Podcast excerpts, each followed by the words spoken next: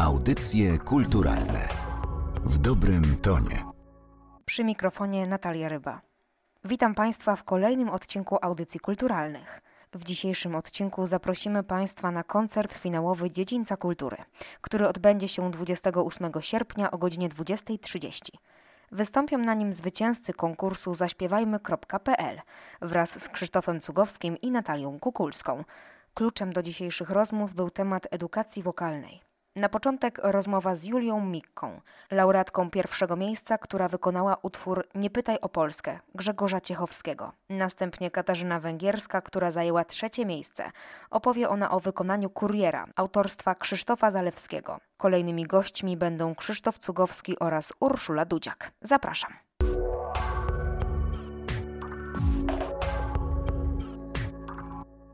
Czy to jest dla Pani duże wyróżnienie być laureatką konkursu zaśpiewajmy.pl?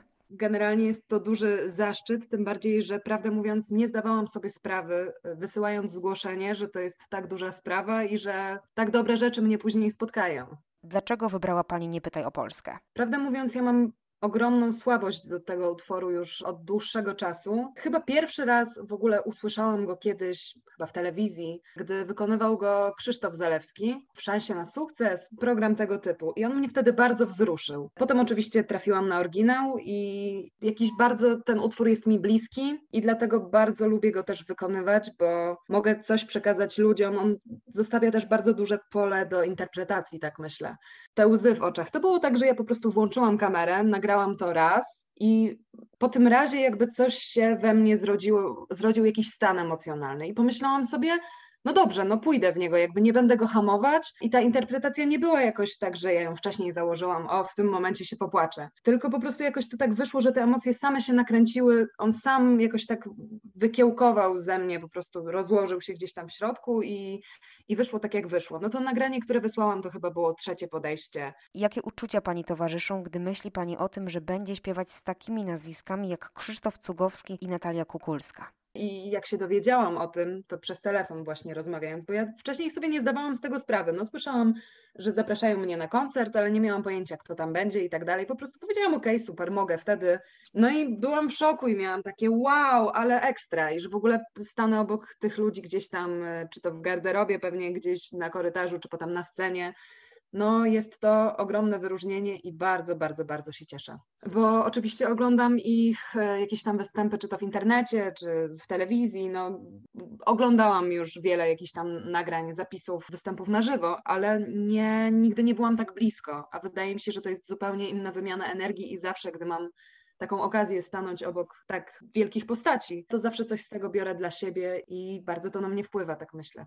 Jakie jest Pani podejście do edukacji wokalnej i co daje Pani śpiewanie? Wydaje mi się, że jest potrzebna, ale to jest też takie pytanie, bo ja na przykład często mówię, że, bo zawsze ludzie mnie pytają, czy ja wolę aktorstwo, czy ja wolę muzykę. I zawsze mówię, że przez to, że studiuję aktorstwo, tam to jest bardzo technicznie ustawiane, jakby uczą mnie, jak to robić, tak po prostu od podstaw i to jest wyuczone w jakimś tam sensie. I oczywiście, że tam też jest ważna cała ta emocjonalność, serducho, no to jest bardzo ważne, ale ja się tego uczę. A muzycznie, jakby ja chodziłam na różne zajęcia, ale mam takie poczucie, że jak ja sobie robię muzykę, czy to swoją, czy jakby jak coś coveruję, to że ja sama tym tak jakby steruję i że nie jestem tak wyuczona, że pewnie gdybym studiowała, to zresztą od moich znajomych, którzy studiują właśnie wokal, mówią, że oni czasem tracą radość zrobienia muzyki, bo za dużo wiedzą, jakby tak technicznie. I ja na to mówię, że ja to rozumiem w kwestii aktorstwa, bo też przez to, że się tyle jakby nauczyłam, to czasem mi to odbiera ten taki impuls, żeby pójść tak w to całą sobą, tak tylko sobą, a nie tą wiedzą, którą mam. Edukacja jest potrzebna, ale nie wiem, czy tak bardzo aż że trzeba po prostu studiować wokal, bo może wystarczą same zajęcia z emisji głosu, na które ja właśnie e, chodzę od, od wielu lat. Ale jak ja stoję na scenie, to naprawdę czuję jakiś taki kontakt z ludźmi. Coś im być może daje, to tak jak ja, gdy jestem widzem, słuchaczem, że dużo mi to robi, wpływa na mnie. Dlatego daje mi to najwięcej energii, radości, takiego kopa po prostu, że mam zawsze takie poczucie, że jak coś mi się w życiu na przykład nie do końca w tym momencie na przykład układa, to że zawsze mam tę muzykę, do której wracam, która ze mną jest i mogę sobie pisać swoje utwory, przelewać to, co co mam w tym momencie, powiedzmy, w głowie, no to to też mogę wyrażać w ten sposób. Muzyka jest dla mnie z jednej strony właśnie największą zabawą, też jakimś pamiętnikiem. Gdybym straciła głos, to że moje życie w ogóle nie byłoby już totalnie tym samym życiem, że nie wiem, co by mi zostało, że zastanawiałam się, jak bardzo ważny element to jest mojego życia. Dziękuję za rozmowę.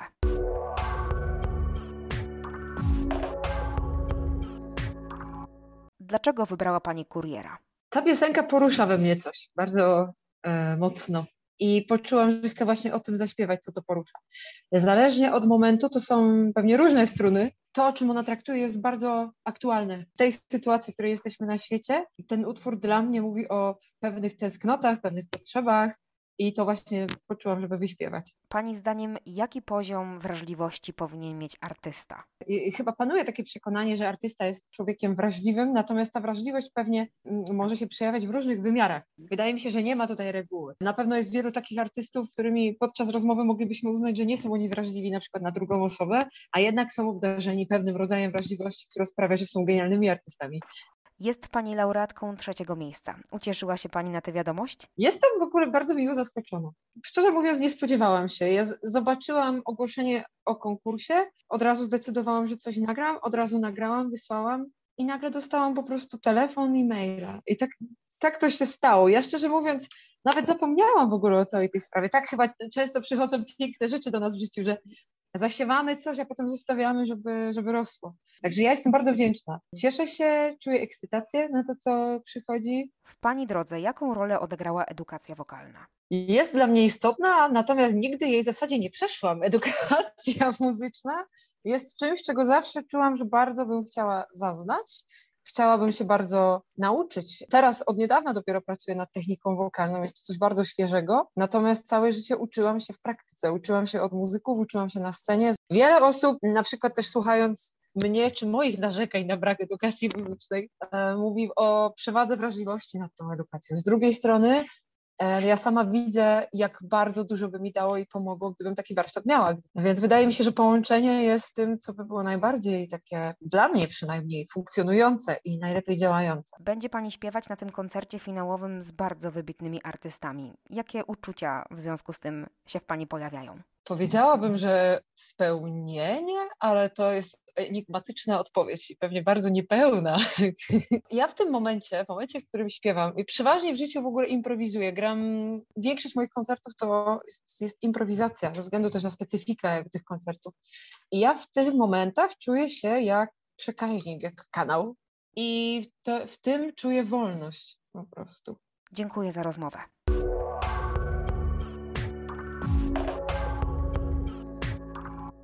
Panie Krzysztofie, y, jak ważna jest edukacja wokalna dla wokalisty?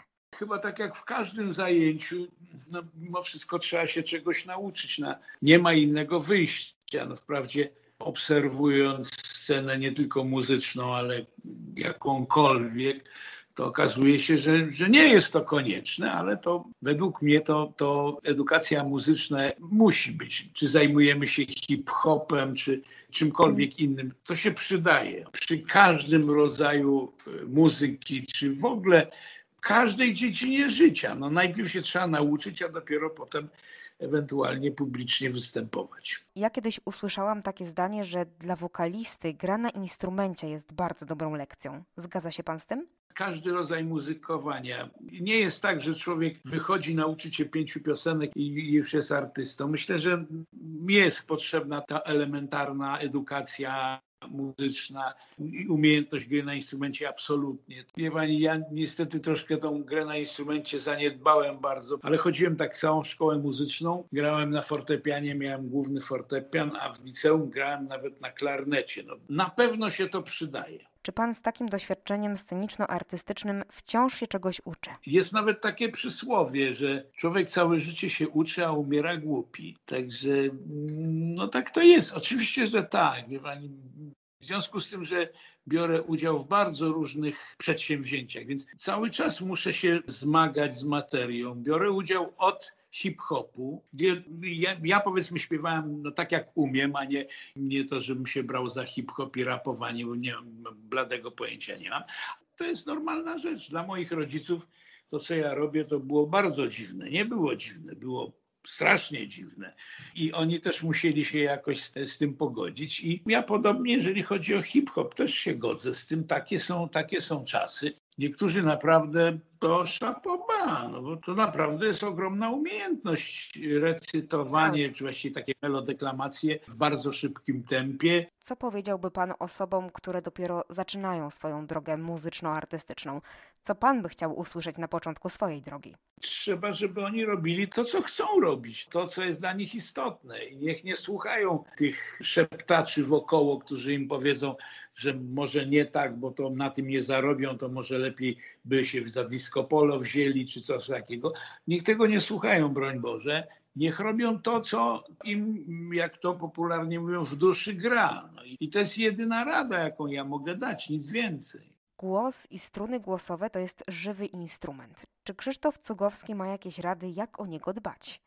Ja do pewnego okresu bardzo, ja tak powiem, nie dbałem o głos, ale mhm. muszę się przyznać, że 36 lat temu przestałem palić papierosy, a paliłem wcześniej długie lata i w 85 roku przestałem palić papierosy i myślę, że to, to dla kogoś, kto pracuje głosem, gardłem, to bym polecał niezależnie co, co, co zrobi, ale to bym polecał, bo na pewno, na pewno to nie pomaga. O tak. Dziękuję za rozmowę.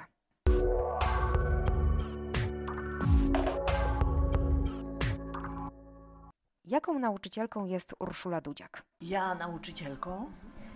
No, ja myślę, że jestem niezłą, powiedziałabym dobrą, a nawet powiedziałabym niesłychanie inteligentną, z doświadczeniem, może nawet wybitną. Na co pani zwraca szczególną uwagę przy współpracy z uczniami? I tutaj mam na myśli na przykład pani udział w The Voice Senior. Jeśli chodzi o Voice, to y, dawałam wszystkim do zrozumienia, jakie to jest ważne, że śpiewają, że nie ulegają żadnym stereotypom, typu, że nie wypada i tak dalej, że jednak spełniają swoje marzenia, że zawsze gdzieś tam myśleli o tym, żeby wyjść na scenę i dla niektórych to było niezwykłe przeżycie. I dla niektórych tak jak gdyby się nowy etap w ich życiu zaczął. Także to jest coś pięknego. Ja jestem zdecydowanie za tym, żeby próbować, żeby się uczyć, żeby y, po prostu wychodzić i się nie, nie mieć żadnych y, obiekcji i robić to, co kocha. Czy pani wciąż czegoś się uczy? Ja się cały czas uczę czegoś. Cały czas czegoś się dowiaduję. Jestem szczęśliwa i wiem, jakie to jest szczęście mieć taką ciekawość dziecka. Ja się bez przerwy rozglądam, ja wszystko obserwuję.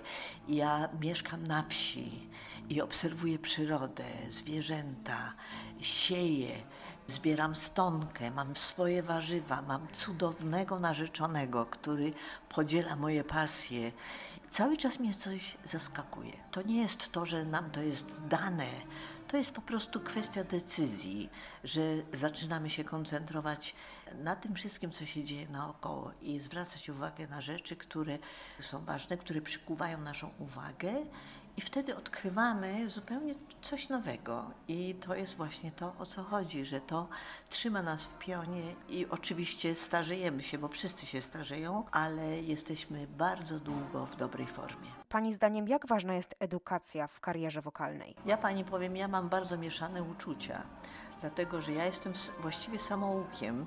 To znaczy, ja grałam na fortepianie, uczyłam się, byłam w szkole muzycznej i tak dalej, ale jeśli chodzi o wokal, to sama. Sama oczywiście nabyłam się wielu takich błędów, y, które potem okazały się moimi skrzydłami, jak garb się okazał moim żaglem, tak powiedziałabym. Że to, że śpiewałam nieprawidłowo, a chciałam bardzo śpiewać, to stworzyłam swój własny styl. Polecam edukację mimo wszystko. Dziękuję za rozmowę.